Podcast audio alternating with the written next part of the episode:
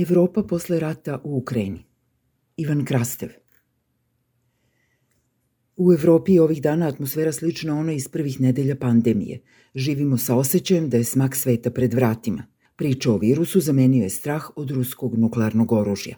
Evropski mediji su puni mračnih naslova o nestašicama energenata i isključenjima struje – Analitičari se slažu da bi inflacija i rastući troškovi života lako mogli da izvedu milione evropljana na ulice. Broj migranata koji su ove godine ušli u Evropsku uniju daleko prevazilazi broj ljudi koji su 2015. došli iz Sirije. Ratna mašinerija Kremlja samo pogoršava situaciju jer uništavanjem infrastrukture u Ukrajini ostavlja bez struje i vode tamošnje stanovništvo. Ipak, malo je verovatno da će Evropa zbog teške zime odustati od svoje podrške Ukrajini. Smenjuju se vlade evropskih saveznika, ali sankcije Rusiji opstaju. Pogledajte samo Italiju, gde je i nova vlada krajnje desnice prihvatila evropski konsenzus. Većina evropljana ima moralni otpor prema brutalnosti Rusije. Nedavni uspesi ukrajinske vojske tome su dodali nadu. Zapravo, kako Ukrajina napreduje na bojnom polju, tako raste podrška Ukrajini u Evropi ali najvažniji faktor je sa druge strane Atlantika. Kada je premijer Mađarske Viktor Orban, Putinov najbliži saveznik u Evropskoj uniji, nedavno izjavio da se nada za mir zove Donald Trump, izrazio je nešto što svi Putinovi saveznici u Evropi znaju. Samo promena američke politike može da utiče na stav Zapada o Ukrajini. Kada je reč o trajnoj podršci Kijevu, slaba karika je Amerika, a ne Evropa ali ovaj rat neće trajati večno, a upravo će u miru posle rata narasti tenzije u Evropi. U razmišljanjima o tome kako ovaj rat treba da se završi formirala su se tri različita tabora, realisti, optimisti i revizionisti. Svaki se može naći među političarima i biračima u gotovo svim evropskim zemljama, ali nisu svi svuda podjednako zastupljeni. U zapadnoj i južnoj Evropi debata se uglavnom vodi između realista i optimista, u Ukrajini i nekim istočnoevropskim zemljama raspravljaju optimisti i revizionisti – Razlike se najbolje mogu objasniti geografijom i istorijom. Zapadni evropljani se pre svega plaše nuklearnog rata. Istočni evropljani strahuju od povratka svojih zemalja u rusku sferu uticaja u slučaju poraza Ukrajine. Takozvani realisti smatraju da bi evropski cilj trebalo da bude da Rusija ne pobedi, da Ukrajina ne izgubi i da se rat ne proširi. Izjave francuskog predsednika Emanuela Makrona dobro ilustruju ovaj stav – Po toj logici, Ukrajini treba pomoći da oslobodi što više svoje teritorije, ali njena pobeda mora biti ograničena, jer bi u suprotnom bio povećan rizik da Rusija upotrebi taktičko nuklearno oružje. Tako, na primjer, Ukrajina ne bi trebalo da pokušava da povrati Krim koji je Rusija anektirala 2014.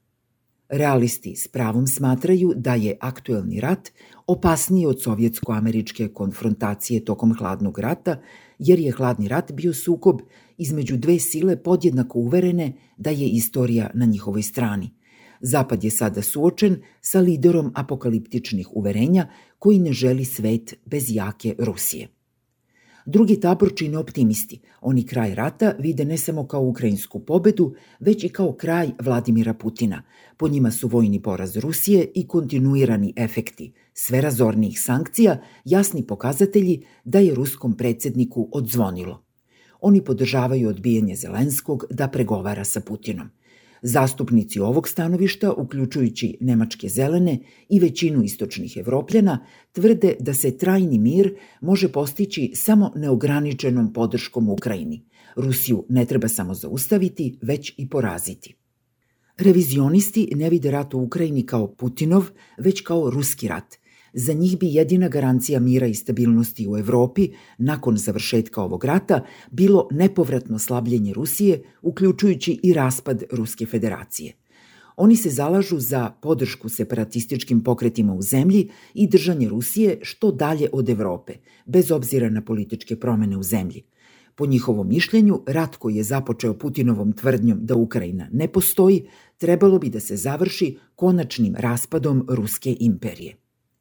Ne iznenađuje to da je strategija kraj Rusije najpopularnija u zemljama koje su u prošlosti stradale pod vlašću Moskve, u Poljskoj, Baltičkim republikama i naravno u Ukrajini. Svaka od ovih škola mišljenja ima svoje razumne protivnike. Kritičari realističkog pristupa s pravom insistiraju da je realizam već isproban 2015. kada je Rusija napala istočnu Ukrajinu i da se nije dobro pokazao. Magijski realisti pate od viška optimizma kada veruju da su Putinovi dani odbrojani.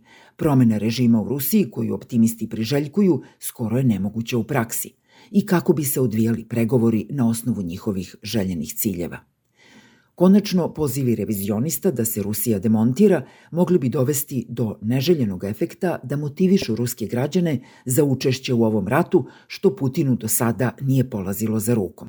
U času kada su ruske trupe bile na periferiji Kijeva, razlike između realista, optimista i revizionista nisu bile bitne. Jedini cilj je bio sprečiti da Ukrajina bude pregažena i da Putin ostvari pobedu. Međutim, uspesi ukrajinske vojske poslednjih meseci doveli su razlike među ovim taborima u centar evropske debate. U tom smislu, evropskom jedinstvu ne preti Moskva, već su uzroci mogućeg razdora različiti stavovi o kraju rata u Ukrajini. To ćemo osetiti već ove zime s jačanjem pritiska građana Evropske unije da se uđe u pregovore sa Moskvom. Suprotstavljeni narativi i vizije o željenom ishodu rata toliko su opterećeni emotivnim i moralnim nabojem da će svaki dogovor biti bolno komplikovan, ali nekakav zajednički okvir za razrešenje rata urgentno je potreban.